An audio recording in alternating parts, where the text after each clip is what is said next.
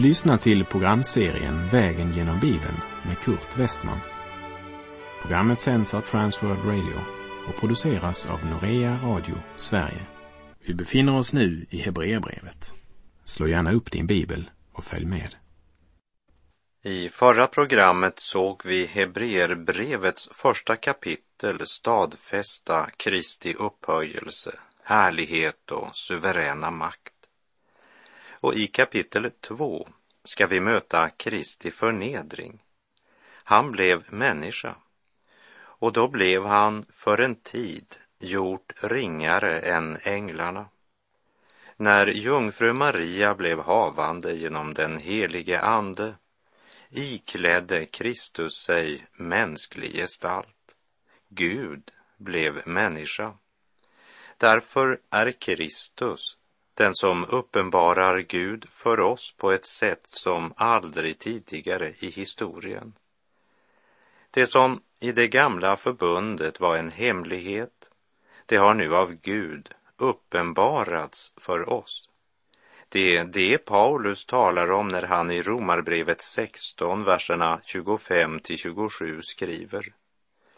Honom som förmår styrka er genom mitt evangelium, min förkunnelse om Jesus Kristus, enligt den avslöjade hemlighet som under oändliga tider har varit dold, men nu har uppenbarats och genom profetiska skrifter på den evige Gudens befallning gjorts känd för att alla folk ska föras till trons lydnad. Gud, den ende vise, tillhör äran genom Jesus Kristus i all evighet. Amen. För det första, Kristus uppenbarar Gud för människan. För det andra, Kristus är vår representant inför Gud. Jag har en advokat, en representant i himlen som är full av nåd och sanning. Han står inför Gud och han står inte tomhänt där. Men han står där med sitt eget blod och representerar dig och mig, halleluja. Vilken kontrast till de som skulle representera dig och mig i Sveriges riksdag. Jag har en känsla av att enda gången de verkligen är intresserade av oss, det är när vi ska rösta. Därmed vill jag inte kasta skuggor över alla politiker. Men jag tror att det är långt mellan de som tänker mera på de människor de skulle representera än på att säkra sin egen ställning och upprätthålla en imponerande fasad. Det är underbart att veta att det är Kristus som står som din och min representant inför Gud, vilket i alla fall jag behöver eftersom skriften säger att Satan anklagar mig inför Gud dag och natt. Och han har verkligen en hel del han kan säga om dig och mig. Så jag är tacksam att vi har en representant i himlen. I kapitel 1 såg vi honom mycket högre än änglarna. I kapitel 2 ska vi se honom bli lägre än änglarna, som sann människa. Han blev gjord lik oss, dock utan synd. Och i Hebreerbrevets andra kapitel möter vi människan Jesus. Hebreerbrevets nyckelord är ordet bättre. I alla avseenden är det nya förbundet bättre. Det offer som talas om i Nya testamentet, det är inte bara en illustration av något som ska fullbordas i framtiden, utan Kristi offergärning är uppfyllelsen av alla gamla testamentets offerordningar. Därför kunde Jesus, innan han dog på korset, utropa, det är fullbordat. Brevet riktar sig till hebreer som kommit till tro på Jesus under evangeliets första tid. De hade också visat stort mod och varit villiga att lida för Kristi skull. Men efter en tid så verkar det som om det myckna lidandet och växande svårigheter börjat göra dem modlösa, som vi ska se när vi kommer till kapitel 10. Brevet vill väcka de troende till eftertanke så att de inte, utan att märka det, glider bort från den nära och levande gemenskapen med Kristus. För det andra så är brevet skrivet för att styrka deras tro och för det tredje för att uppenbara det nya förbundets andliga rikedom, Guds trofasthet och den kommande härligheten. Den troende lever antingen i öknen och lever under de förhållanden som hela den generation som i otro vägrade inta landet Gud hade gett dem, eller också i tro, andligen gå över Jordanfloden och inta landet. Välsignad är vår Herre Jesu Kristi Gud och Fader, som i Kristus har välsignat oss med all den himmelska världens andliga välsignelse skriver Paulus i Efeserbrevet 1, vers 3. Israels folk ger oss en allvarlig och en talande illustration av denna sanning som vi minns från vår vandring genom fjärde Mosebok kapitlen 13 och 14 då Gud varnade Israels folk och sa att de skulle gå miste om välsignelsen om de inte ville inta landet. Men Israel vägrade att gå in i kanan. Det var deras otro som hindrade dem att gå in i kanan. En hel generation som gick miste om uppfyllelsen av löftet därför att de i otro vägrade inta landet. Tron kommer av predikan, det är sant. Men låt oss inte glömma att också otron kan komma av predikan. Tio av spejarna talade otrons tungomål och det blev väl mottaget av folket och blev orsak till att en hel generation aldrig kom längre på sin vandring än till öknen.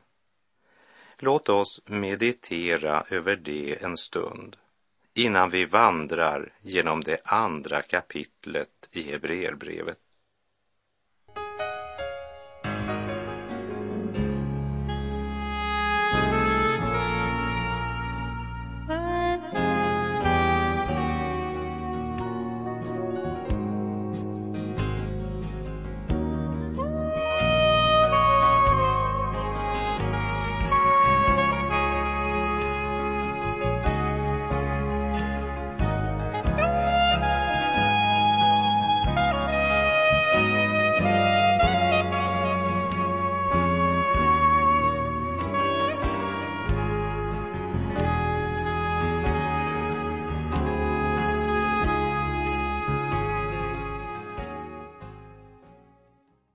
Så som Josua bokstavligen ledde Israels barn över Jordanfloden, så leder Kristus oss andligen över Jordanfloden. För Jordanfloden talar inte om vår död, men om Kristi död. Jag är i dopet begravd med honom och har uppstått till ett nytt liv för att i Kristus har alla Guds löften fått sitt ja och sitt amen. För att Gud ska bli ärad genom oss, står det i Första Korinterbrevet 1.20. Låt oss nu lyssna till de allvarliga varningar som Hebreerbrevets författare här ger. när han låter oss förstå att det är inte nog att vara ordets hörare. Det är till ingen nytta om vi inte tar ordet på allvar och praktiserar vad vi har hört. Hebreerbrevet 2, vers 1. Därför måste vi så mycket mer ta fasta på det vi har hört, så att vi inte driver bort med strömmen. Eftersom Gamla testamentets löfte om Messias nu uppfylls i Kristus och Gud nu utgjutit sin helige ande över oss, så är också ansvaret större nu än under det gamla förbundet. Vi måste ta fasta på det vi har hört, det vill säga vi måste inrätta oss så att vi inte blir likgiltiga och ljumma och bara driver med strömmarna i tiden. Oberoende av vilket område i livet det gäller så är det djupt tragiskt om vi blir likgiltiga, varken kalla eller varma. Men mest tragiskt är det ju om vi hör Guds ord, nickar instämmande utan att praktisera vad vi lärt. Vad måste vi göra om vi ska gå förlorade? Svar, ingenting. Därför måste vi så mycket mer ta fasta på det vi har hört. Ordet därför, det pekar tillbaka på det som blev proklamerat i kapitel 1, nämligen att Kristus är så mycket större än änglarna. Därför måste vi så mycket mer ta fasta på det vi hört. Johannes skriver i Johannes första kapitel, vers 16 och 17. Av hans fullhet har vi alla fått nåd och åter nåd. Ty lagen gavs genom Mose, nåden och sanningen kom genom Jesus Kristus. Nåden och sanningen kom genom Jesus Kristus. Därför måste vi så mycket mer ta fasta på det vi har hört. Vad sker med en som inte tar fasta på det han har hört? Ja, han kommer att driva med strömmen. Vi läser Hebreerbrevet 2, vers 2 och 3. Om redan det ord som talades genom änglar stod fast och varje överträdelse och olydnad fick sitt rättvisa straff, hur ska då vi kunna fly undan om vi inte bryr oss om en så stor frälsning? Den förkunnades först av Herren och bekräftades för oss av dem som hade hört honom. Om redan det ord som talades genom änglar stod fast, så kan du lita på att det ord som talas av honom som är större än änglarna, det står fast. Det ska ske precis som han har sagt. Vi minns från vår vandring genom Första Moseboks nittonde kapitel att det kom två änglar till Sodom och förkunnade att staden skulle ödeläggas. Och det skedde så som det var förkunnat av änglarna. Och lägg nu märke till frågan. Hur ska då vi kunna fly undan om vi inte bryr oss om en så stor frälsning? En pastor, han började en gång församlingens möte med att säga jag har en fråga till er. Jag kan inte besvara den. Ni kan inte besvara den. Gud kan inte heller besvara den. Och så citerade han just dessa ord. Hur ska vi då kunna fly undan om vi inte bryr oss om en så stor frälsning? Hebreerbrevets budskap kommer med sitt väldiga rop och påminner människan om att hon har en odödlig själ. Vi blir ställda inför evighetens verklighet. Och frågan går rakt på sak. Inbillar vi oss att vi ska kunna undfly Guds dom om vi inte bryr oss om Guds frälsningserbjudande genom sin son Jesus Kristus. Hör detta, du människobarn som vandrar så bekymmerslös på denna syndens och dödens jord. Han som har skänkt dig livet kommer också en dag att kräva det tillbaka. Det är människans lott att en gång dö och därefter dömas. I Hebreerbrevet 4.13 är det uttryckt så här. Inget skapat är dolt för honom, utan allt ligger naket och uppenbart för hans ögon. Och inför honom måste vi stå till svars. Du säger att du vill leva ditt liv utan Gud. Ja, gör det då. Men vill du svara mig? Hur skall du en gång kunna undfly Guds dom om du inte bryr dig om en så stor frälsning? Du säger att Gud är inte så sträng som Bibeln säger. Men vad vill du då svara? Då du på Guds befallning förs in i det heliga ljus, där alla dina ord, tankar och handlingar rullas upp som på en filmduk. Då alla de murar du gömt dig bakom faller som stoft till marken och alla dina ursäkter brinner som torr halm. Lyssna till Hebreerbrevets varningsrop. Låt denna vind ifrån evighetens värld vidröra ditt hjärta innan det blir för sent. Du kan förneka livets ansvar. Du kan förneka Guds existens.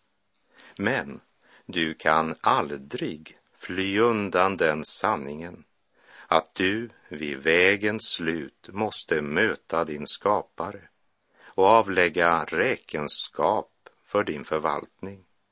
Vi läser Hebreerbrevet kapitel 2 och vers 4. Gud gav också sitt vittnesbörd genom tecken och under och många slags kraftgärningar och genom att dela ut den helige Andes gåvor efter sin vilja. Här tror jag att Hebreerbrevets författare refererar till Andens utgjutande på pingstdagen, då Andens gåvor kom i funktion och stadfäste budskapet som förkunnades. Och vi varnas för att driva bort från den vägen.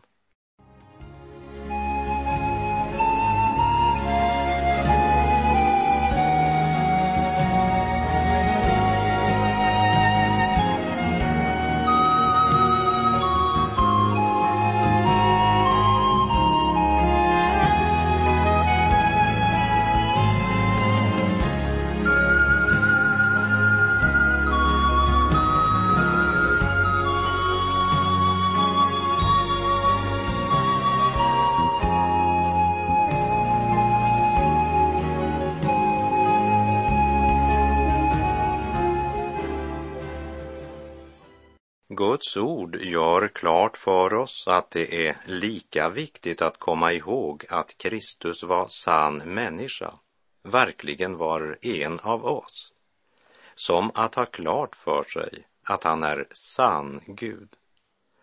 Han kom med det gudomliga till vår jord och tog människan med sig till himlen. Därför kunde han efter att hans gärning var fullbordad säga jag är uppståndelsen och livet. Den som tror på mig, han ska leva även om han dör. Johannes 11, 25. Vi läser Hebreerbrevet 2, vers 5. Det är inte under änglar han har lagt den kommande världen som vi talar om. Det handlar om den troendes framtid, om det levande hoppet. Många människor tog anstöt av den enkle timmermannen från Nasaret som i förnedring vandrade här nere på syndens jord. Evangeliet kan alltså endast gripas i tro. När anden får smörja trons öga kan den på nytt födda människan gripa sanningen att Jesus är sann Gud, kommen i mänsklig gestalt och allt är underlagt honom. Det är inte under änglar framtiden är lagd, men under Kristus. Och detta rike blev uppenbarat för oss genom Jesus Kristus. Romarbrevet 10, verserna 17 och 18 säger Alltså kommer tron av predikan och predikan i kraft av Kristi ord. Men nu frågar jag, har de kanske inte hört? Jo, mer än så. Deras röst har gått ut över hela jorden och deras ord till världens ändar. Men som profeten Jesaja ropade ut redan i det gamla förbundet, vem trodde vår predikan? För vem var Herrens arm uppenbarad? Vi läser Hebreerbrevet 2, vers 6. På ett ställe har någon vittnat, vad är en människa eftersom du tänker på henne? Eller en människoson eftersom du tar dig an honom. Verserna 6 till och med 8 är ett citat från Saltarsalmen 8, vers 5 till och med 7. Låt oss stanna upp inför detta ett ögonblick. Vad är egentligen en människa?